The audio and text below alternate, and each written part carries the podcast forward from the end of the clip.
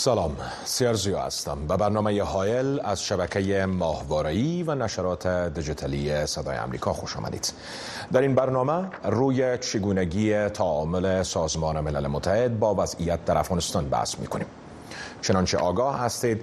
دومین نشست مشورتی سازمان ملل متحد درباره افغانستان به تاریخ 8 و 19 ماه فوریه در دوحه پایتخت قطر برگزار میشه. در این نشست نمایندگان ویژه شماری از کشورها برای افغانستان سازمانهای بین المللی نمایندگان زنان و نهادهای مدنی حضور خواهند داشت. در میان واکنش ها در برابر برگزاری این نشست شمار از زنان معترض افغان خواستار تحریم آن شدند.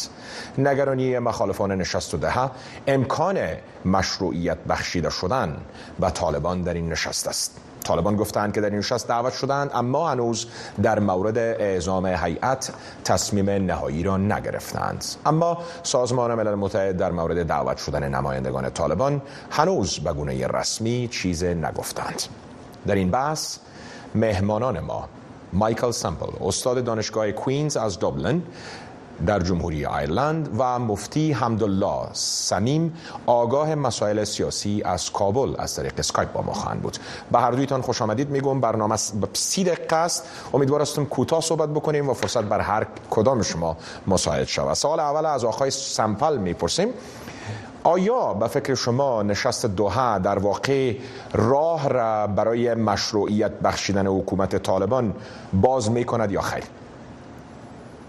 و قطعا او نیکه اراده از نیکه ملل متحد نیست اما اونها حتما اراده دارن که یک نیکه را به طالبان نشان بدن امرایشان اگر اشتراک کنن مشور کنن که چی کار باید بکنن که مناسبات افغانستان کتی جهان نرمال شود این کاملا تفاوت داره از نیکه به رسمیت نیکه شناختن او سوال هم مطرح میشه آیا طالب حاضر هستن که او شرایط که آدم پیش بینی کرده می‌تونه را قبول کنن یا نه.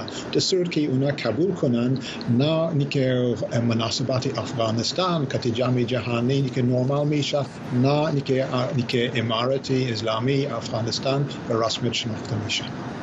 تشکر. مفتی صاحب سال دوم مربوط شما میشه. البته جزء اولش امیست آیا فکر می‌کنین که اگر طالبا در نشست دوحه اشتراک بکنن به نحو برشان این نشست مشروعیت میبخشه؟ یک آیا اشتراک بکنن یا خیر؟ نظر شما چیست؟ دو فکر می‌کنین طالبا از دعوت ممکن و یا هم اشتراک گروه های مخالفشان در این نشست نگران و حراسمند هستند؟ بسم الله الرحمن الرحیم تاسو قدرمن مطالبون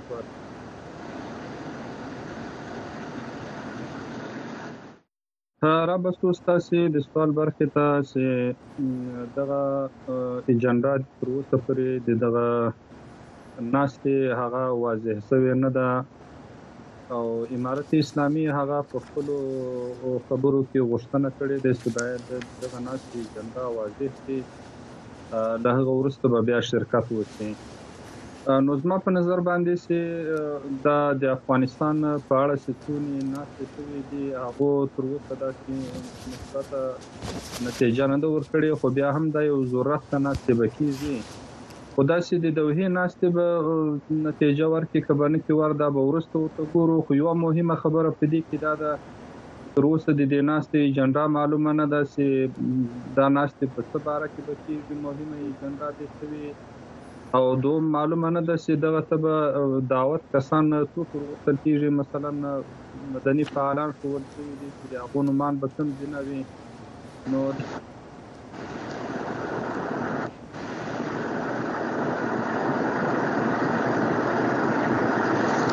متاسفانه تماس با سمیم صاحب از طریق اسکایپ به شکل که دلپسند باشه نیست. امیدوار هستم که مشکل تکنیکی رفع شود. ما بحث با آقای سمپل ادامه میتونم یک بحث کلی امکان حضور مخالفان طالبا در نشست دو هست اما جنجال کلان یا سوال کلان آقای سنپلی است که چرا مخالفان چه نظامی و یا همچه سیاسی طالبا پس از گذشت نزدیک به سه سال تا امروز نتانستند یک روایت واحد یک جبهه واحد در مقابل طالبا ایجاد بکنن؟ علت اساسی دلیل اساسی از این ضعف و یا کوتاهی چیست آقای سمپل؟ سوالی خیلی بجای است که اول آدم پرسان کرده می‌تونه که مخالفین طالبا خو کی هستند از خاطر که از نقطه نظری جبات مقاومتی که منظم به شکل نظامی خوب که در جبه مقاومت در نیک ساکن در نیک دوشنبه خوب پشن قدم شده بود از او بعد که بیشتر فعال در عرصه نیک سیاسی و شاید در آینده در عرصه نظامی شورای عالی نیک مقاومتی ملی که مرکز زون ها تحت که مرکز دارن در آنکر هستند ولی او فقط دو نهادی کلان هستند در نظامی گیری که طبعا چند که چند دیگر است ولی مخالفت با طالبان به هیچ صورت محدود به این جبهات نیست. تا جایی که در سروی های مختلف نیکه معلومات میدن در اکثرتی مطلق نیکه افغانا مخالف با نیکه طالبان و امارتشان هستند او به هیچ که او زن و مرد است پشتون و غیر پشتون است. مردم که سابقه نیکه نظامی دارن مردم که همیشه فعالیت ملکی داشتن در این جبه اعتمالی یا محاض اعتمالی که زدی طالب خب بسیار واسیست است. ولی راستی متایید میکنم که تانوز او انسجام که اونها باید دست باشن برای بلاکر موثریت در عرصه سیاسی که امروز که ظهور نکرد. چندین دلایل دارد. خب که یک است कि दाखिल अफगानिस्तान طالبان در هیچ گنجایش برای در فعالیت سیاسی نمیدن در با مجرد که مردم کوشش میکنن که یا تظاهرات بکنن یا که تجمع کنن یا فقط صدای خود بلند کنن خب بالاخره که زیر فشار قرار نیکه میگیرن شاید دستگیر شوان یا در نیکه نهایت امر کشته میشن. داخلی نیکه داخل افغانستان گنجایش وجود ندارد که نیکه انسجامی سیاسی نیکه صورت بگیره در بیرون برای فعلا نیکه افغانا در اونا بیکی تیت پراگنده شدن. در هیچ مرکز ندارن. در جای ها که اونها رفتن اولین شرط برای اکثرشان ای است که شما فعالیت اعلانی اینی که به زدی اینی که اینی که طالبا یا دکم ارسین شما باید نداشته باشی.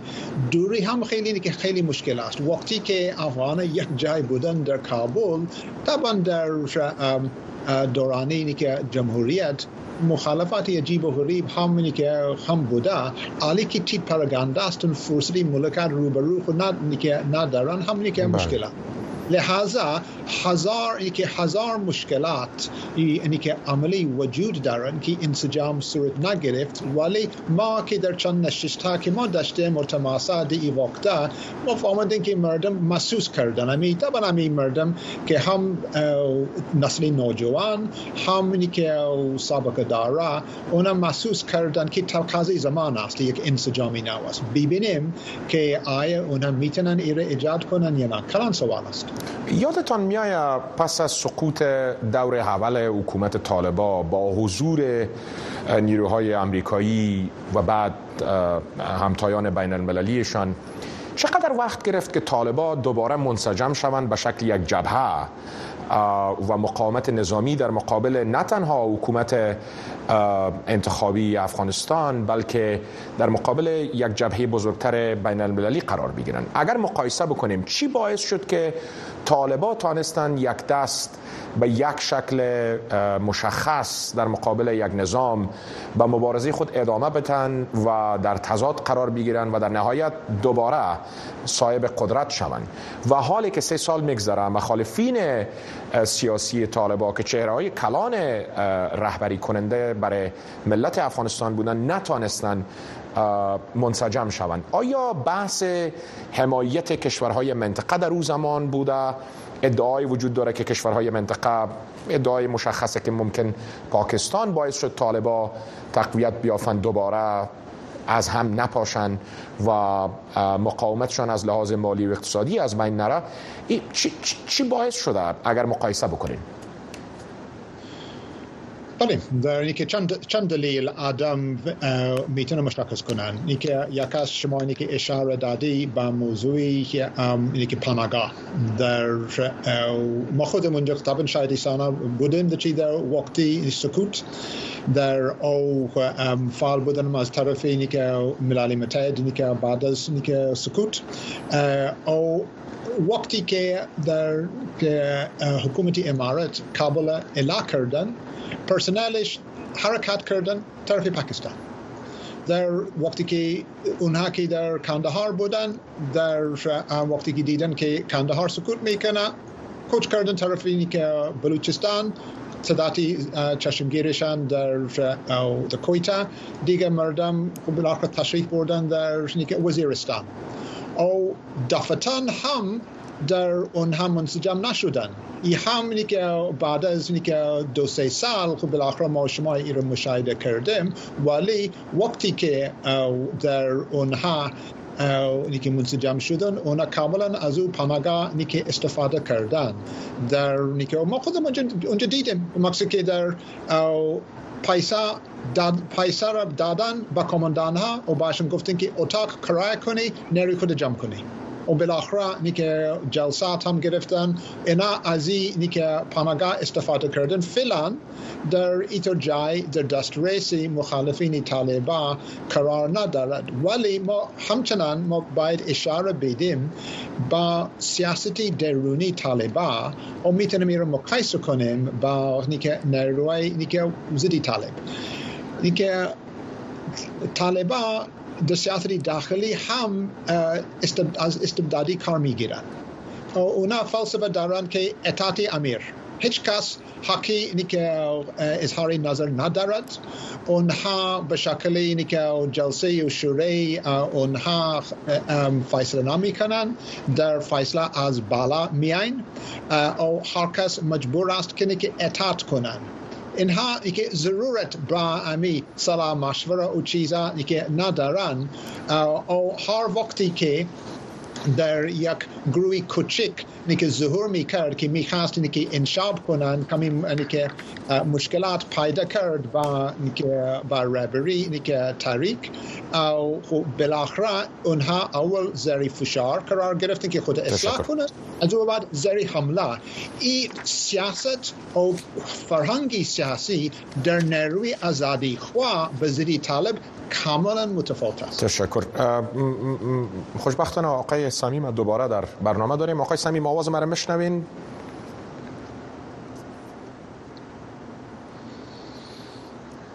مفتی سب سمیم آواز مرا مشنوین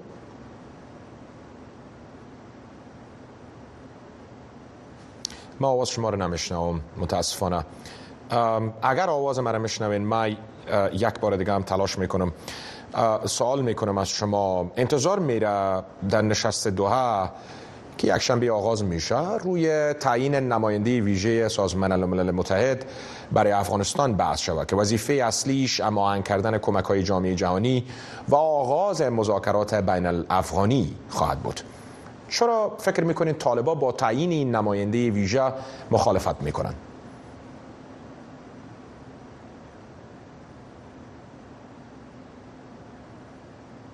آقای سمیم؟ ما آواز شما رو متاسفانه نمیشنوم.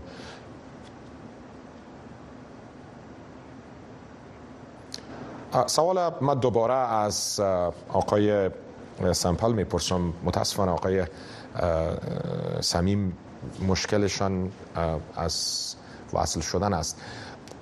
آقای سامپال سوال دوباره پرسان می‌کنم. خب قرار است که در نشست دوها روی تعیین نماینده سازمان ملل متحد بر افغانستان بحث شود. اما طالبا با این مسئله مخالفت می‌کنن چی فکر می‌کنین؟ دلیل اساسی که طالبا با تعیین شدن نماینده سازمان ملل متحد دارن چی است؟ راستی خیلی جای افسوس است که مفتی صاحب محترم نمی‌تونه اشتراک کنه او خودش جواب این سوال بده. خدا کنه که با فرصتی دیگر اونها که جواب بده. خدا کنه که طالبا هم اشتراک کنن در جلسه که دوها که اونها در این مشوره ها هم که شراکت کنن. برحال در طالبا مخالفت کردن از مقرری یک فرستاده ویژه نیک ملل متحد.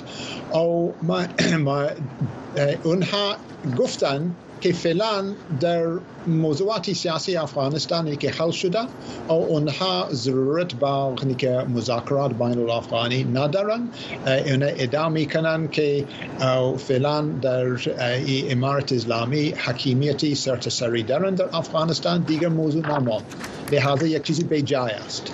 تا جایی که او که ما درک میکنم پشتی سر یک حراس است.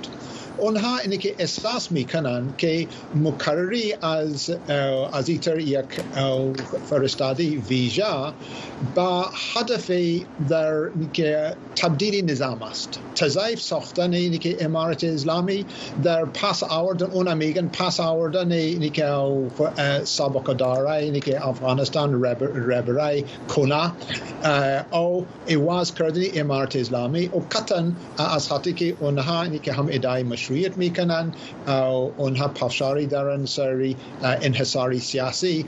لحاظا اونها حاضر نیستن که با ایتر پروسه در نیکه همکاری کنن. ما میگیم که اشتباه اشتباه میکنن در نیکه اراده نیکه جامعه جهانی و شوری امنیا امی نبود.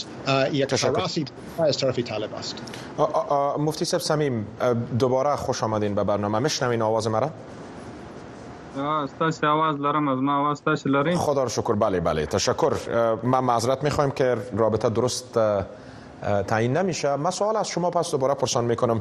چرا طالبان مخالفت می‌کنن با تعیین نماینده ویژه سازمان ملل متحد برای امور افغانستان که بیشتر روی مذاکرات بین الافغانی ممکن کار بکنه و در اماهنگی کمک های جامعه بین المللی سهم خواهد داشت؟ ګوري د دوحه توافقنامه سکله وسو نو په کې دوه برخې یو له امریکایانو او یو د هغه وخت له حکیم حکومت سره وو چې د کابل کې واکمن وو.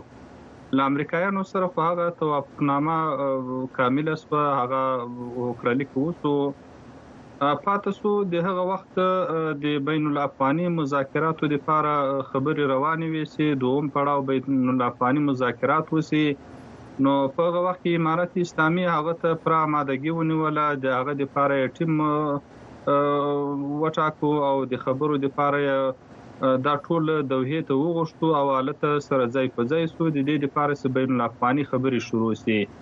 خو داسې په هغه وخت کې د هغه حکومت یا د هغه ادارې کم استازي سي د خبرو د لپاره ټاکل سي او هغه په خپل مابین کې یو اتحاد او اتفاق او وحدت د نظر او د خبرې نه درلودي او د په خپل مابین کې انسجام نه درلودي او په کې ځینې کسان داسې وو چې هغه خبرو ته لیواله نه وو یا نه غوښتو چې د هغه حکومت د راس خلکو د بین الافغاني خبرې مابین ستکي نو له دغه وجه هغه اوسې امارت اسلامي هغه کابل ته ورسېدو په وخت ته ورسېدو او په ټول افغانستان کې کامل سلطه پیدا کړه هغه جهت چې هغه له امارت سره په جګړه او په جنگ اخته او هغه جهت نور ختم سو د دې لپاره چې جهاد د جنگ ختم سي نو په دغه وخت کې بیا د استازي ټاکل دا خو په هغه وختو کې وو چې دلته د افغانانو تر مابین یو جنگ وای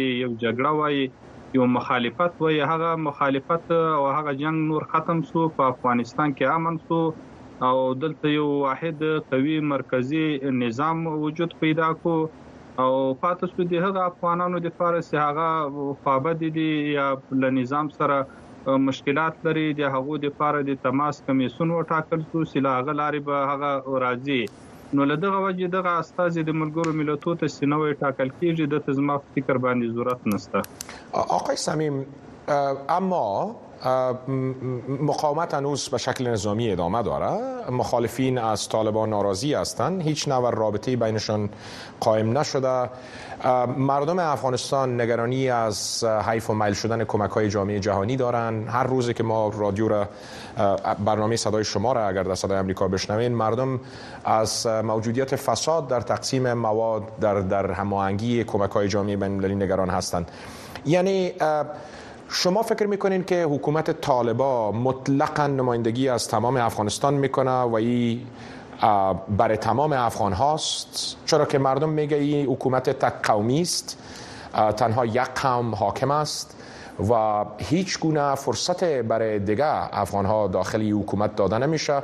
و ویژه کسایی که در حکومت قبلی حضور داشتن تحصیل کردن کار کردن کادر بودن در نظام حاضر بودن اینا هیچ کدامشان برشان فرصت داده نمیشه. یعنی اگر یک نمایندی سازمان ملل متحد اینجا نباشه مردم بالای طالبا چگونه اعتماد بکنه ګوري کوم چې د امارت اسلامي حکومت له یو آزاد طرف وګورو د یو مقابل جانب له طرف نه ورته وګورو.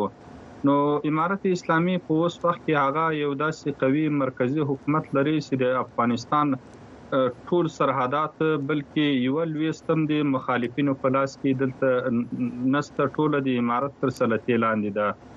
او امارت اسلامي سکل وخت ورسېدو هغه دلته د افغانستان د ولس ملاتړ ځان سره لري لدغه وجه هغه وخت ورسېدو نو دا مسله نه ده چې دلته ولس مخالفت کې ده. یا خدای نه خواسته د حکومت د یو قوم د ګوري دلته په کابینه کې تاسو د افغانستان د ټولو اقشارو د د د هر سمتو د هر قوم خلک دلته ستا ازارستا پښتونستا ازبکستا تاجکستا دا ټول په کابینه کې وجود لري له شمال خلک ستا له پنځشیر خلک ستا له جنوب خلق ستا در, در کجای کابینه آقای سمیم در کجای کابینه؟ بجز, بجز از یک معین در کجای کابینه شما یک پنشیری وزیر دارین؟ در کجای کابینه شما یک تاجک وزیر دارین؟ اگر کسی را می‌شناسین من نمی‌شناسم نامش چیست؟ ګوري دغه مسایل سیدلته امارت اسلامي په عموم کې کومه پالیسی د امارت اسلامي د سمجه مطالعه کوو. پاکي د قوم او د سمت او په دغه باندې د افغانستان ویشلې حالات د 15 کال وو. دا د افغانانو درد نه کودوا بلکې په اوس وخت کې مثلا هغه خلک په واکې دي چې هغه د خلکو واقعي استازولي په لاس کې لري او د خاورې د پاره ازادي ورکړي ده. دلته یو مسله سمجه یاداوري کوو هغه د جبهه مقاومت په نامه باندې دا هغه خلک دي چې په افغانستان کې ښه سابقه نه لري. دلته له هغه ولس خوشاله نه ده او ولس په اوس وخت کې د جنگ حامی نه ده. افغانستان نور له جنگ ستړی ده.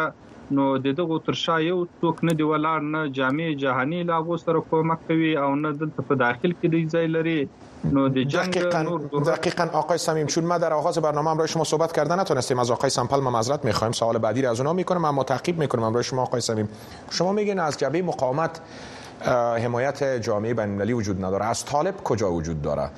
پاکستان ایران عربستان روسیه چین. هیچ کشوری از طالب هم حمایت نمی‌کنه. مشروعیت برش بخشیده نشده بر رسمیت شناخته نشده. هیچ رابطه‌ای با جامعه جهانی نداره. پس اگر شما میگین جبهه مقاومت مشروعیت نداره چون جامعه بین‌المللی ازش حمایت نمی‌کنه و یا هم مردم. پیشتر آقای سمپل هم بهش اشاره کرد. مردم زیر فشار قرار داره از استبداد حراس داره. اگر کسی آواز خود در کابل به نام مظاهره بلند بکنه او سرکوب میشه.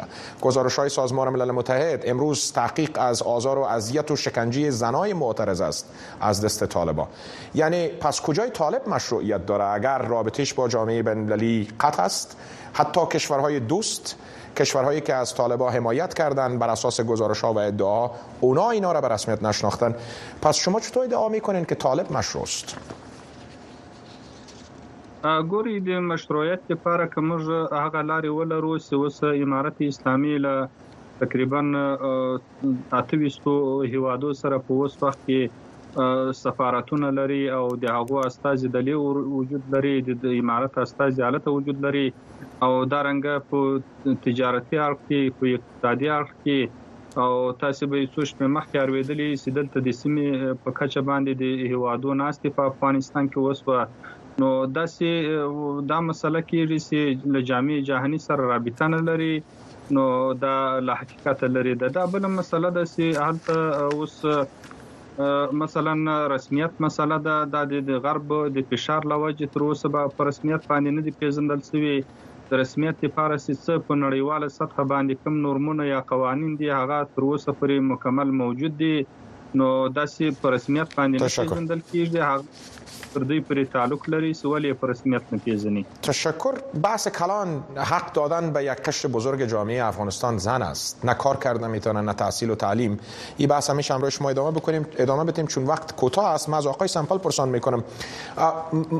آیا حکومت طالبان واقعا به مشروعیت داخلی و خارجی نیازمند است؟ آقای سمپل دلیل پرسشی است که سراج الدین حقانی سرپرست وزارت داخلی حکومت افغانستان چند روز قبل در جریان یک سخنرانیش در ولایت پکتیا گفت که حکومت طالبان نیاز برای مشروعیت بین‌المللی یا به رسمیت شناختن نداره. راستی او سخنی که خلیفه سراج که جالب بود. او من میگم که اگر راستی طالبا می‌خواستن سطح بین ملالی به رسمیت شناخته شوند اونها باید تجدید نظر که تجدید نظر می‌کردن از پالیسی فعلی اگر راستی اونا می‌خواستن مشروعیت بیرونی اونها که حقوق با که زنها و دخترها می‌دادن.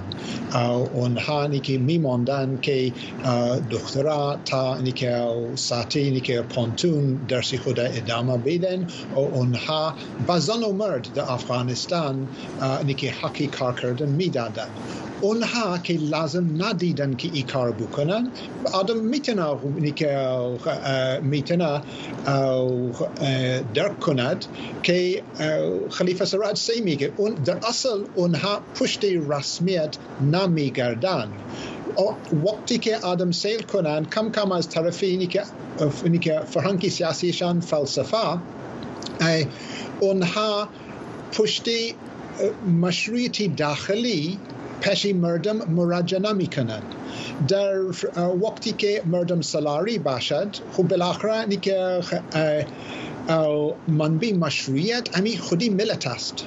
ولی طالبا خب برای خود یک کسی دیگر داره. اونا ادامه کنن که کاری ما است در که پیاده کردن که نظامی شرع محمدی. اونا ادامه کنن که در امیر ما که حیبت الله او بالاخره در اصل در اصل او کاری خدا را می‌کنن. اگر شما ایره قبول کنید اونم دیگر به مشروعیت ضرورت ندارن. اگر قبول نکنید شما بالاخره باید بگی که اونم صاحبی مشروعیت نیستن. تشکر. سی ثانیه وقت داریم. مفتی صاحب چیزی برای گفتن داریم برای امیدواری افغان ها از تصامیم طالبا آیا آیا مردم افغانستان امیدوار باشه؟ بالکل د افغانستان د ولست لپاره امارت اسلامي په کوم انداز باندې امنیت قائم کړی دا او دلته د اخوت فزار ما بینسته کړی دا او ل 15 کالو ورسته د افغانانو ویني دلته درولې دي. یو سالم حکومت دلته موجود ده او هغه په ټوله سلطه د افغانستان باندې حاکم ده. دلته د قدرت جزیره نسته د خلکو عزت او مال محفوظ ده دا ټول هغه شان دي چې زموږ د ولس یو اهم ضرورت او تر ټولو اهم الادا ده. چې دلته هواد له اشغال خلاص ته د پردیو له مثلا له استخباراتي کړیو لاسونه دلته خطلې دي. نو دا هغه مسایل دي چې د ولس لپاره یو دادګرانه ده چې ولس د نظام باندې خوشاله ده خانه آباد آقای سمپل خانه آباد مفتی سب سمیم تشکر از اینکه در بحث ما حضور یافتین.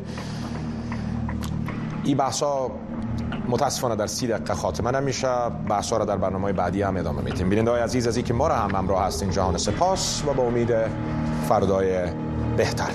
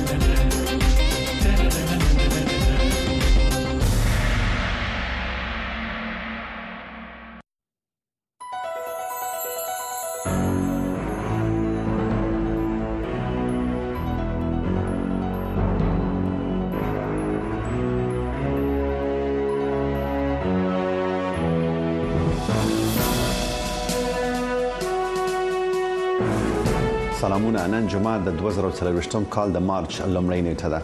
د دیش د قوخ خبرونه په خیر اغلاس په دې خبرونه کې د افغانستان او نړۍ د اونۍ مهم ریپورتونه او مرکه خبرو زه وحید فیضی و ما فرخنده پیمانی هستم. امیدوارم هفته خوب را سپری کرده باشین. اینک میپردازیم به تازه ترین اخبار از افغانستان و جهان د افغانستان لپاره د ملګرو ملتونو د بشري حقوقو د شورا ځانګړي راپور ورکونکي ریچارډ بنټ په تیرو څه باندې دوه کلونو کې په افغانستان کې د خراب بشري وضعیت د لا خرابېدو د مخنیوي او افغانان ته د هيلې د ورکولو لپاره د نړیوال ټولنې څخه د بیړنیو اقداماتو غوښتنه کړې ده ریچارډ بنټ د پنځمې په ورځ په ژنیو کې د ملګرو ملتونو د بشري حقوقو شورا 55مې غونډې ته د افغانستان د وضعیت په تړاو د خپل راپور د وړاندې کولو پر مهال ویل چې په دغه هیواد کې د طالبان د اقداماتو لامل ښځې او انجونی له عام ژوند څخه څنډه شوې دي.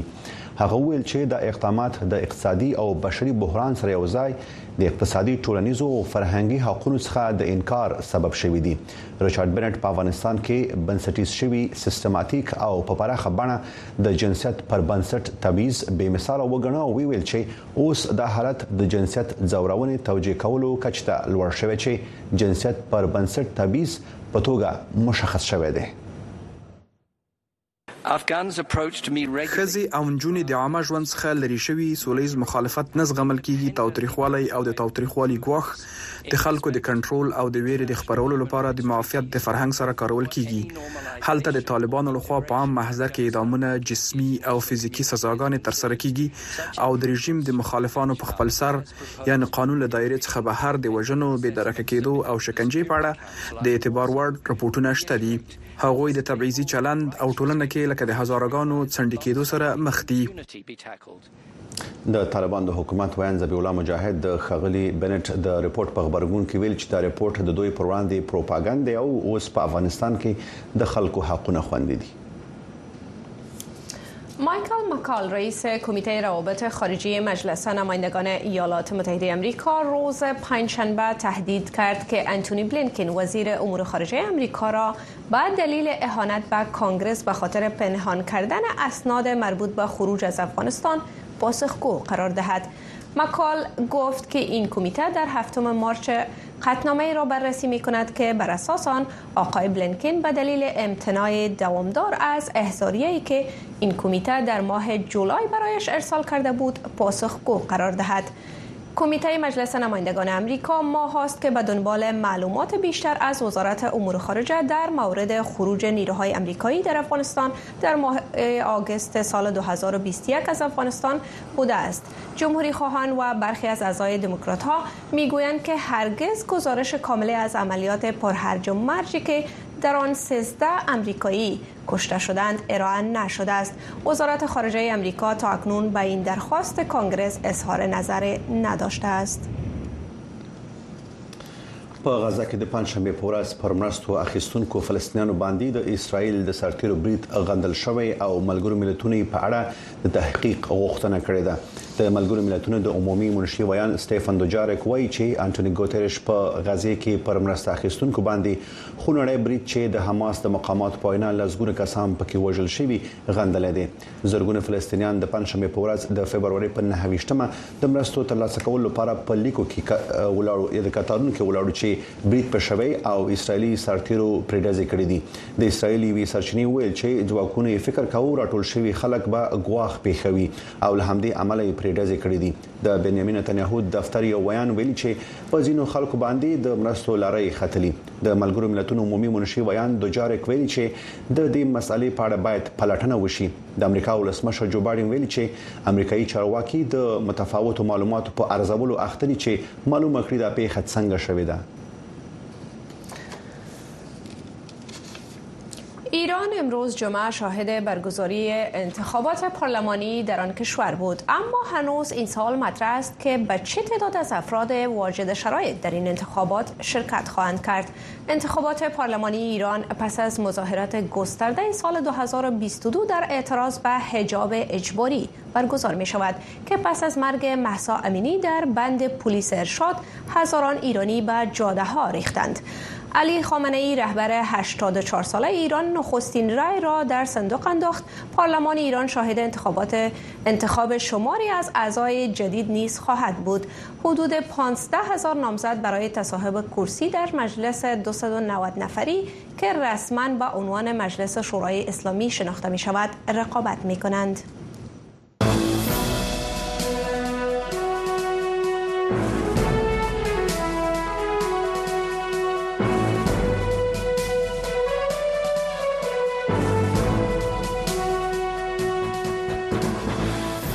تاسو امریکا غږ څخه د دیش ټکو خبرونه ګورئ. د طالبانو او امریکا ترمنځ دوحې تړون یو مهمه هوکړه د لسیز جګړو د پای تر رسولو په موخه د بین الافغاني مذاکراتو پیلو دا مذاکرات د اگست پر 15مه د کابل تر سقوط وروسته په ټاپه ودرېدل. اوس چې جمهوریت نشته او طالبان امارات قائم کړی دي د سولې مذاکرات باید د کومو لوري سره وشي؟ او آیا طالبان د بین الافغاني مذاکراتو لپاره چمتو دي؟ په دې رپورت کې همدغه پوښتنه ته جواب کتلی شي د مذاکراتو د نوو پړاوونو له تیرولو وروسته امریکا د 2020 کال د فبرवरी په 9مه په دوحه کې د طالبانو سره د سولې تړون لاسلیک کړ. د نورو ژمنو ترڅنګ د دې تړون لمخې طالبانو ومنله چې د جمهوریت لمرکچانو سره بین الافغاني مذاکرات پیلوي. د افغانستان جمهوریت نظام دوه ته د مذاکراتو یو ډله واستوله خو په دې ونه توانیدل چې د طالبانو سره رسمي او معنا لرونکي مذاکرات پیل او د افغانستان کشاله ختم کړي د هڅې کابل ته د طالبانو په ننوتو او د فخوانی ولسمشر محمد اشرف غنی په وټولو ناکام شوي د سولې خبرې اتل ته اړتیا نه لیدل کی ځکه دلته کوم نه جبهي جنگ سته نه چریکي جنگ سته نه کوم قوي مخالفین دلته سته دلته صرف مذاکره باید په دې وسی دي افغانان ترمنځ جرګه باید په دې باندې وسی چې یو نظام د تمن سره سي ټولو مشترکي مسلکی پو ژمن با تجربه افغانان په دې کې ونډه ولري اساسي قانون به جوړ شي معیاري ستاندرد حکومت به ته جوړ شي د طالبانو نه بغیر اوس د امارات په کابینه کې نور کسان نشته. د ګوندونو فعالیت درول شوی خځه د کار او نجونی له تعلیم نه محروم دي. او د مقاومت په نوم یو شمېر ډلو د طالبانو پر وړاندې خپل غلچکیو بریدونو او رسنیزو فعالیتونو ته زور ورکړی دی د وضعیت د بدلون لپاره ملګرو ملتونو د فبرवरी په 13مه او 19مه په دوحه کې یو غونډه رابللې و څو د افغانستان لپاره خپل ځانګړی استازي وټاکي په غونډه کې طالبانو برخه وانه خستله او د دوی مخالفینو ته هم د ګډون بلنه ورکړل شوې نه و لبد مرغه ملګری ملتونه ل تیر سلوي کال د افغانستان د سولې په پروسه کې ناکام شوی او یا هم نیت سم نه وو خو کملګری ملتونه صادقانه همکاري وکړي طبيعي د دوی رول او همکاري به بیا غیزي نه وي د ملګرو ملتونو د راتلونکي استازي یو مهمه دنده بداوي چې د ټولو افغاني لوري ترمنځ د تفاهم زمينه برابر کړي. د دې بهیر د لا چټکتیا په موخه د ملګرو ملتونو د امنیت شورا د فبرवरी په شپږ وشتمه نیټه یو غونډه رابللې و د ملګرو ملتونو عمومي منشي دا خبره کړې چې پس له سلام مشورو بده د استازي ټاکي. یعنی دا د د پروسې پیل دی. البته دغه سلام مشورې به هغه هیوادونو سره کیږي کوم چې د افغانستان په قضایو کې شامل دي یا نږدې پاتې شوي دي د ملګرو ملتونو د ځانګړي امغږی کونکي فریدون سینیرلی اوغلو پر راپور کې د کشالې مهم طرفونه د افغانستان خلک نړیواله ټولنه او طالبان بلل شوې دي.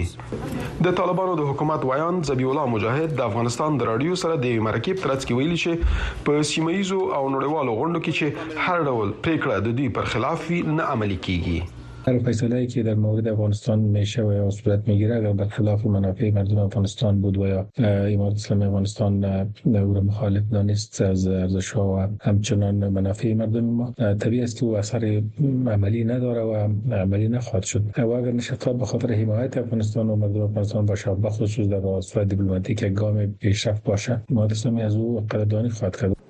یو شمیر په دې باور دي چې د دایمي سولې او ټول شموله حکومت د جوړېدو لپاره د ملګرو ملتونو پر رهبرۍ تازه هڅې د دې فرصت برابروي چې افغانان سره راغونډ شي او د خپل هیواد د راتلونکو لپاره د لارې نقشه جوړ کړي.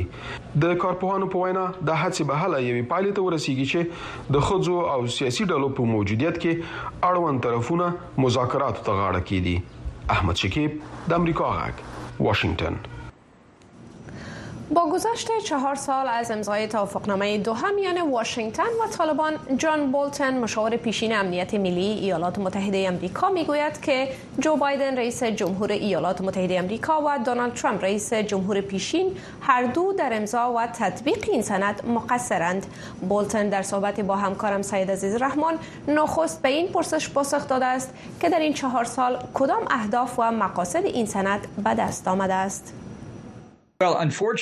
خب با تاسف یگانه هدف که واقعا به دست آمد این بود که ایالات متحده و شرکای ناتوی آن از افغانستان بیرون شدند و این کار به طالبان و حامیان آن اجازه داد تا کنترل را به دست گیرند و پیشرفت هایی را که پس از سقوط طالبان در افغانستان به دست آمده بود به عقب برگشتانده شود. واضحا که برای مردم افغانستان یک وضعیت بسیار بدی بوده است. فکر می کنم چیزی که برای همسایه های افغانستان و مردم جهان تهدید کننده می باشد این است که طالبان باری دیگر به جنگجویان تروریست خارجی اجازه ورود دادند و آن کشور را به یک محل امن برای آنان تبدیل کردند. این کار مردم را در سراسر جهان با خطر دچار می کند فکر می کنم نتیجه گیری که در سال روز این سند می توانید داشته باشید این است که یک توافق نامه بسیار بدی بود. زمانی که این توافق نامه امضا می شد درک درستی از وضعیت در افغانستان وجود نداشت و خروجی که صورت گرفت نیز به گونه بسیار بد تطبیق شد. اساسا این تصوری که گویا طالبان مطابق به تعهدات خود عمل خواهند کرد و حمایت جامعه جهانی که پس از سرنگون شدن طالبان و شکست القاعده با مردم افغانستان صورت گرفته بود بزرگترین اشتباه بود. ولی در جریان مذاکرات دوحه که در نهایت به توافقنامه دوحه انجامید شما اینجا در قصر سفید مشاور امنیت ملی ایالات متحده بودید. پس نظر یا نقش شما چی بود؟ خب پیرامون مذاکرات در کتابم اتاقی که در آنجا اتفاق افتاد به طور وسیع نوشتم و من در مورد مذاکرات پیرامون برخی از امتیازاتی که در نظر گرفته شده بود مشکل داشتم. واضحا که در مورد نتیجه آن نیز مخالفم. ولی رئیس جمهور ترامپ هدایت آن را داره بود. او می‌خواست تا نظامیان امریکایی را از افغانستان بیرون کند. او در مورد اینکه پیامدهای آن چه بوده می‌تواند فکر نکرد و یا اگر فکر آن را کرده بود ولی به آن توجه نکرد. واضحا که او در انتخابات 2020 شکست خورد و اگر رئیس جمهور بایدن به این باور بود که توافق نامه دوحه یک معامله بد است می توانست ایالات متحده را از آن خارج کند. ولی او به پیش رفت و توافقنامه ترامپ را اجرا کرد. بنابراین دو رئیس جمهور است که مقصرند. ولی قصر سفید تاکید دارد که توافقنامه دوحه برشان از حکومت رئیس جمهور دونالد ترامپ به ارث مانده. Uh, به عنوان کسی که رؤسای جمهور را در بیرون شدن از بسیاری توافقنامه ها و قراردادهای بین المللی کمک کردم همیشه اجازه دارید که از یک قرارداد بیرون شوید. این سند حتی یک قرارداد هم نبود. در حقیقت یک توافقنامه غیر امضا شده بود. بنابراین فکر می کنم کاملا امکان پذیر بود که جو بایدن یا از آن به گونه کامل بیرون می‌شد و یا می گفت که تطبیق روند خروج را تا زمانی آغاز نمی کنیم که از جانب طالبان شواهد بیشتری در مورد عملی کردن تعهداتشان نداشته باشیم. فکر می کنم برای مردم افغانستان این روند در کل به نهایت بد بود و یک اشتباه بد استراتژیک برای ایالات متحده بود.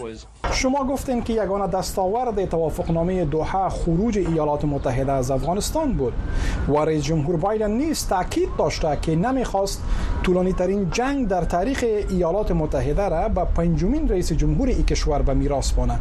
پس به باور شما چی گزینه دیگری به خاطر پایان دادن این جنگ طولانی وجود داشت؟ خب فکر می کنم که این اظهارات منعکس کننده نداشتن درک واقعی از وضعیت می باشد نظامیان امریکایی اکثرا در جنگ دخیل نبودند. هدف حضور ما به عنوان بخشی از ماموریت ناتو آموزش دهی نظامیان افغان بود. فکر می کنم که تا زمان خروج در سال 2021 ادامه حضور نظامیان امریکایی و ناتو در افغانستان متفاوت تر از حضور نظامیان امریکایی پس از جنگ جهانی دوم در آلمان و ژاپن نبود. یعنی فراهم کردن ثبات و کمک به مردم افغانستان بود. این آسان است که گفته شود می خواهیم جنگ های بی پایان را پایان بدهیم. ولی مشکل این است که در جنگ دو طرف یا اضافه تر از دو طرف دخیل می باشد و زمانی که یک طرف جنگ ابراز خستگی کند دشمن می گوید بسیار خوب خوشحالیم که از جنگ های بی پایان خسته شده اید و می توانید که از میدان بیرون شوید. و این کار است که ما انجام دادیم. ما زمینه را برای تسلیم دهی افغانستان به طالبان فراهم کردیم که به باور من یک اشتباه بزرگی بود. این پرسش که آیا حضور ایالات متحده ادامه می داشت؟ باید ادامه می داشت. و این باید مسئولیت سیاسیون امریکایی به ویژه رؤسای جمهور می بود تا به امریکایی ها وضاحت می دادند که تا هر آن زمانی که نظامیان امریکایی با شرکای ناتو ما در افغانستان حضور داشته باشند و با حکومت افغانستان همکار باشند هم امریکا و هم دوستان ما در سراسر سر جهان از تهدید حملات تروریستی از افغانستان مسئول خواهند بود ولی چون این چیزی را دیگر گفته نمی توانیم پس آیا امکان تطبیق کامل توافقنامه دوحه وجود دارد یا خیر؟ با تاسف تا زمانی که طالبان در قدرتند فکر نمی کنم که آنان کاری را انجام دهند که انحصارشان بر افغانستان و مردم آن کشور را متزلزل کند. فکر می کنم آنان یعنی طالبان تعهداتی را انجام دادند که فکر می کردند برای کسب توافق ترامپ و بایدن به خاطر بیرون کردن ایالات متحده ضروری بود و شاید هیچگاه اراده عملی کردن آن تعهدات را نداشتند که از آغاز مذاکرات متحد شده بودند.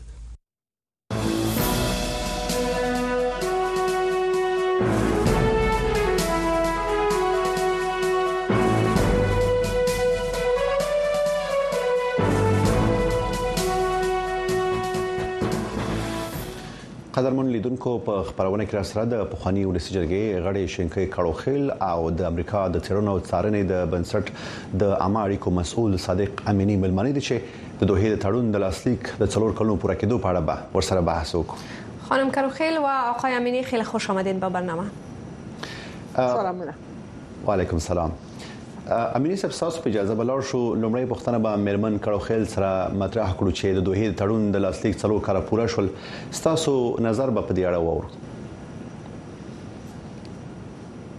خب دوه تړون څلور کال پوره شو. د هغه تړونو سزما پان باندې چې څنګه بهرني اساکر افغانستان څخه وځي بیغنه کوم امنیتي ننګونې ورته مخ شي او همدارنګه څنګه طالبان واک ته ورسول شي چې دا دواړه کار وشو په دې تړون کې نه د افغان د افغان ولس هغه اساسي حقوقو ساتنه کوم کزمي موجود نه او خاصتا د خزه د خزو بشري حقونه همدارنګه د افغانستان خواني جمهوریت اسلامي حکومت او همدارنګه ولس له دغه تړون څخه په څنګه شوی او کوم رول نه درلود مننه خب سوال بعدی از آقای امینی می‌پرسیم. در چهار سال گذشته چی تغییرات را شما در افغانستان می‌بینید این توافقنامه چی نقش را در تغییر وضعیت در افغانستان داشته است به نظر شما؟ سلامونه پیمان سپتاست او فیض سپتاست او قدرمنو ملما او لیدونکو ته متاسفانه پیمان امنیتی که امریکا با طالبان امضا کردن از سال 2020 به این طرف. وضعیت را نه تنها در افغانستان بلکه در سطح منطقه متشنج ساخته. وضعیت افغانستان خب متاسفانه وضعیت بسیار تراژیک است امروز. از زمانی که توافقنامه امضا شد ما آغاز سقوط جمهوری اسلامی افغانستان رو شاهدش بودیم. تمامی نهادهای امنیتی افغانستان که با خون دل و و زحمت کشی فرزندان صدیق افغان زن و مرد شانه داده بودن. از سال 2001 به این طرف نهادهای امنیتی افغانستان رو ساخته بودن. در پهلویش همکارای بین المللی افغان ها دوستای ما در امریکا اروپا و کشورهای تمویل کننده که زحمت کشیده بودن اساکرشان در افغانستان آمدن. دخترها و بچه‌هایشان کشته شدن زخمی شدن. پول مصرف کردن نهادهای امنیتی را ساختن. متاسفانه او قوه را ما و شما از دست دادیم در پهلوی از او ما و شما دموکراسی خود را دست دادیم. یک ساختار و یک نظامی که حق تعیین زعیم را در کشور داشتیم حق تعیین نمایندای در پارلمان داشتیم در شورای ولایتی داشتیم. او را از دست دادیم و به صورت عمومی امروز ما و شما یک کشوری داریم که یک کشور بی بیرق ما و شما بیرق خود از دست دادیم. ما و شما سرود ملی خود از دست دادیم. ما و شما هویت ملی خود امروز از دست دادیم. جغرافیای افغانستان امروز یک نمایندگی در سطح دنیا نداره در سطح منطقه نداره. افغان در هر گوشه که هستن پاسپورت هایشان یک پاسپورت به کشور است و خودشان یک شهروندای به هویت هستند در حقیقت چون کشورشان نظامشان یک هویت سیاسی و قبول شده در سطح منطقه و در سطح دنیا نداره. و تمامی از اینا متاسفانه مسئولیتش برمیگرده به حاکمان فعلی که امروز قدرت در کابل و در قرنار به دست گرفتن. چی و کسایی که چهرهایشان ما شما می‌بینیم ما می‌شناسیم چی کسایی که چهرهایشان دیده نمیشه یا صدایشان شنیده نمیشه. مسئولیت مستقیم به دوش از اینا است که تحت نام از اینا افغان هستند و تحت نام از اینا مسلمان هستند سرنوشت 40 میلیون مسلمان و افغان را در در او جغرافیا به گروگان گرفتن و به خصوص و به خصوص از همه مهمتر بیشتر از 20 میلیون نفوس افغانستان که خانم ها و دخترها باشن اینا به گروگان گرفتن. در حقیقت یک زندان را به زندان جغرافیایی تبدیل کردن. بیشتر از 20 میلیون زن و دختر افغانستان هیچ نوع آینده ندارن هیچ نوع امید ندارن و هیچ زندگی و حق آزادی و حق تعیین لباس و حق کار و حق درس و تحصیل ندارن که بسیار وضعیت تراژیک است متاسفانه. په تازه خبرګون کې طالبان وایي چې د تیرو په پرتله یا تیر وخت پرتله اوس په افغانستان کې د خلکو حق ډیر خوندي دي. را به شوبله پښتنه امرمن کړو خیر سلام دی چې طالبان ژمنه کړې و چې بین الافغاني مذاکرات به پیلوي خدا کار ونه شو. دلیل څه غنئ تاسو خب زما باندې د خدای امریکا یو ستره تیر وطن او چې خپل وطن له افغانستان څخه مشروط نه کړل دوی باید د بین الافغاني مذاکرات پایل او یوې نتیجې ته رسیدل باید شرط ایخه وای د خپل د وټلو له افغانستان څخه. دوی چې بدون د قید او شرط له افغانستان څخه وټل یا هو کړی ورته دی په خاطر باندې څه فکر کوبه چې هغه شبنه چې د طالبانو مذاکراتي پلاوي کړی و هغه په غي باندې عمل کړو مطمئن شو چې کله چې امریکا اساکر اوزي او هغه ټول قراردادیان چې د موږ امنیتي سکتور ته همکاریان کولې او پسته تمویلوي او ټول هغه مواد او ضرورت ورته راوړل هغه ټول باندې دفتن قطکی کې مورال خرابېږي نور نو انګیزه ورته د تداوم د جنگ نو پاتې د خپل یو ښه فرصت څنګه تاوتریخواله او چې ورسوي. نور وحشت په مملکت کې خپور کې او قدرت ته ورسیږي نو زه فکر کوم چې ستره تیر یا تیر وطن دا یو دا چې واقعا مهمه نه د موارد صرف دې په خاطر باندې راوړي وو چې د افغانستان جمهوریت او همدارنګه ولسته یو شانتي اطمینان ورکړي چې بین الافغانی مذاکرات منگا راوستی دی و پده که به تاسی و سیاسی جوجاری تا رسیگی بله خواهیم کرو خیلی با توجه به صحبت های کمی لحظه داشتین شما و تاکید جامعه بین المللی برای تشکیل یک حکومت همه شمول در افغانستان چگونه میتوان طالبان را برای یک گفتگوی بین الافغانی تشویق کرد و روی یک میز مذاکره فراخواند خب ما فکر می‌کنم یعنی فرصتی است که با طالبان به شکل کارشا و برازی که ببینین طالبان نمیال زیادترین کمک را که می‌گیره از امریکا می‌گیره. یعنی ممالک غربی ممالک تمویل کننده تمام پروژه ها و کمک های بشری در افغانستان است. دوم که قطر خودش بسیاری به یک مستقیم نماینده امریکا در منطقه است و طالبان اونجا بیشتر سرمایه گذاری کرده است دفاترشان است دفتر سیاسیشان به شمول سفارت اونجا به اختیارشان است. و همین شکل پاکستان که همیشه رابطه خیلی نزدیکی با امریکا داره و یک پارتنر استراتژیک بوده بر تمام اهدافی که امریکا در منطقه داشت همکاری کردن اونا هم هم نیاز به کمک داره و همیشه من فکر می‌کنم که می‌تونه که امریکا از باعث یک ابزار خوب استفاده استفاده بکنه. و در ضمن تعهدی که خود طالبان هیئت مذاکراتیشان با امریکا کرده در توافق نامه یک بیسی حقوقی داره یا قانونی که می‌تونه امریکا از او استفاده بکنه و اونا را جوابگوی با آن چیزی که وعده کرده بود. برای که هنوز هم اما بستم تحریم هایی که وجود داره که رفع نشده هنوز حکومت طالبان به رسمیت شناخته نشده هنوز هم تهدیداتی که در داخل افغانستان وجود داره و گزارش ها و راپور مختلفی که وجود دارن این مسائل است که می‌تونه که طالبان را جوابگوی بسازه و بالا فشارهای بیاورند و همچنین از طریق کسانی ممالکی که رابط نزدیک با طالبان دارند از این فرصت ها استفاده بکنن و طالبان رو وادار به بسازن که باید که در میز مذاکره با افغان ها بشینن و در در حل مسئله تلاش بکنن.